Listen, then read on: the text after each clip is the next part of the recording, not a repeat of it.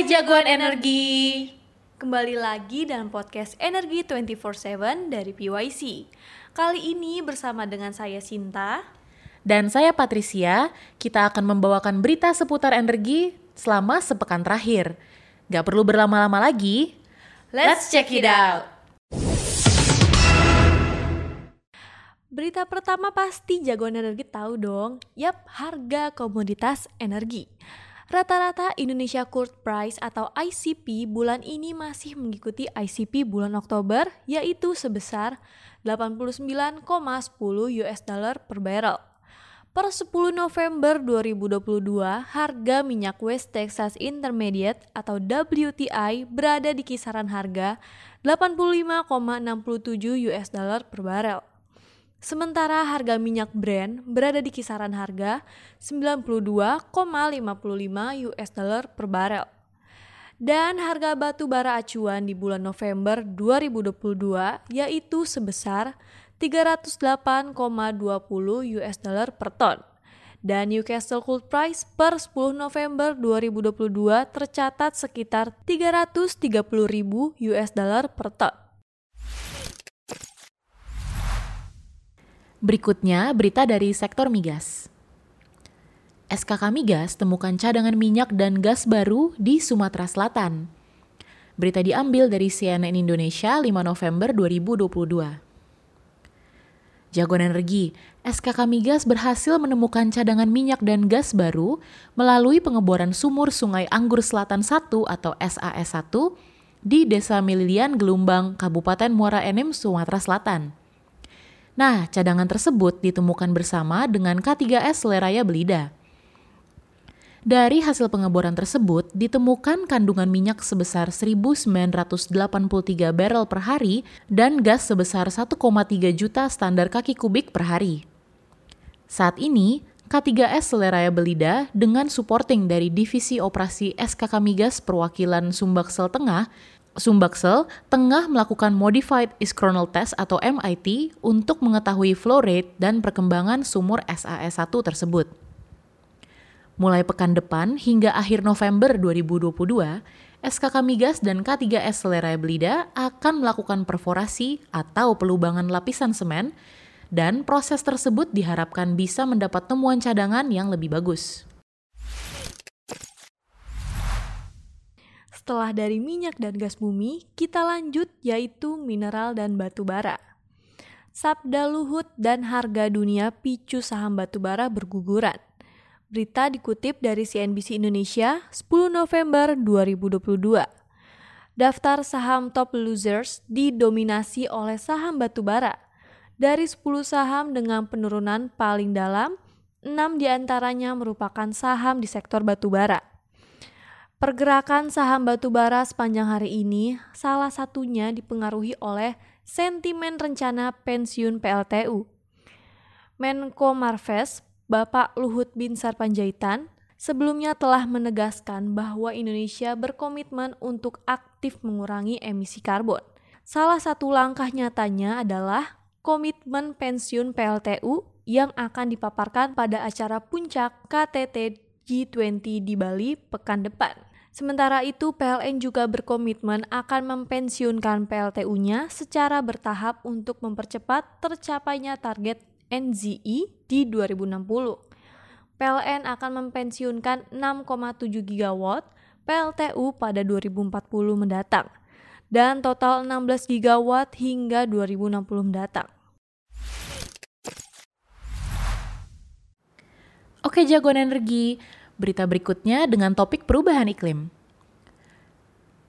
Bentuk pengakuan aksi iklim RI, Bank Dunia menyerahkan dana awal sebesar 320 miliar rupiah. Berita diambil dari kata data 8 November 2022. Pemerintah Indonesia menerima dana segar senilai 20,9 juta US dollar atau sekitar 320 miliar rupiah dari Bank Dunia untuk program Reducing Emissions from Deforestation and Forest Degradation di Kalimantan Timur.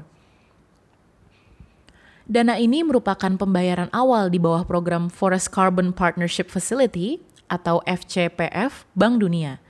Dalam perjanjian ini, Indonesia akan menerima 110 juta US dollar atau sekitar 1,6 triliun rupiah atas keberhasilan menurunkan emisi di sektor kehutanan. Nah, fakta menarik nih jagoan energi. Indonesia menjadi negara pertama di Asia Pasifik Timur yang menerima pembayaran dalam skema FCPF ini. Menteri KLHK Siti Nurbaya Bakar mengatakan hal ini merupakan bukti keseriusan pemerintah dalam mengimplementasikan program pengurangan emisi. Ia berharap upaya pengurangan emisi di sektor kehutanan ini akan membantu mengejar target pengurangan emisi di bawah kesepakatan Paris atau Paris Agreement. Berita selanjutnya, energi baru dan terbarukan atau EBT. Pertamina gandeng Chevron hingga Mitsubishi kembangkan hidrogen hijau. Berita dikutip dari kata data 8 November 2022. Pertamina tengah menjajaki pembentukan konsorsium dengan beberapa perusahaan asing untuk pengembangan hidrogen hijau dan amonia hijau dari sumber WKP di Sumatera. Saat ini Pertamina tengah menjajaki kerjasama dengan perusahaan migas asal Amerika Serikat Chevron dan perusahaan energi asal Singapura, Keppel Corporation. Dengan adanya beberapa proyek kerjasama ini, Pertamina berharap dapat menyuplai kebutuhan 2 juta ton hidrogen hijau dan amonia hijau pada 2030. Kendati demikian, besaran nilai investasi yang dikeluarkan oleh tiap-tiap perusahaan belum diketahui. Saat ini Pertamina melalui Pertamina Geothermal Energy atau PGE sudah mulai memproduksi hidrogen hijau dari aset panas bumi yang mereka olah di sejumlah kilang yang mereka miliki. Pada kesempatan berbeda, Dirut Pertamina Nike Widiawati mengatakan Pertamina akan mentransformasikan perusahaannya menuju energi baru dan terbarukan dan memiliki rencana untuk menghasilkan hidrogen hijau dari elektrolisis baik dari surya atau air. Oke jagoan energi, untuk menutup pertemuan kita di minggu ini, we are saving the best for last. Kita ada breaking news dari topik kebijakan energi. Menteri ESDM mengeluarkan aturan soal darurat energi. Ada apa ya? Menteri ESDM Arifin Tasrif menerbitkan kebijakan baru, yakni Peraturan Menteri ESDM Nomor 12 Tahun 2022 tentang Peraturan Pelaksanaan Peraturan Presiden Nomor 41 Tahun 2016 tentang tata cara penetapan dan penanggulangan krisis energi dan atau darurat energi.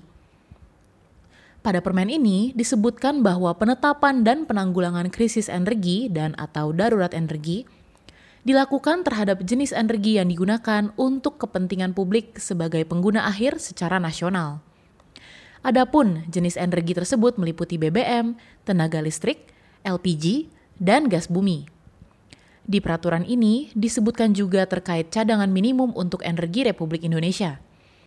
Bila tidak mencapai jumlah yang telah ditetapkan, maka pemerintah bisa menetapkan krisis energi atau darurat energi. Sementara itu, Dewan Energi Nasional atau DEN menepis anggapan bahwa pemerintah menerbitkan aturan darurat energi sebagai respons untuk menanggapi gejolak krisis energi di Indonesia saat ini.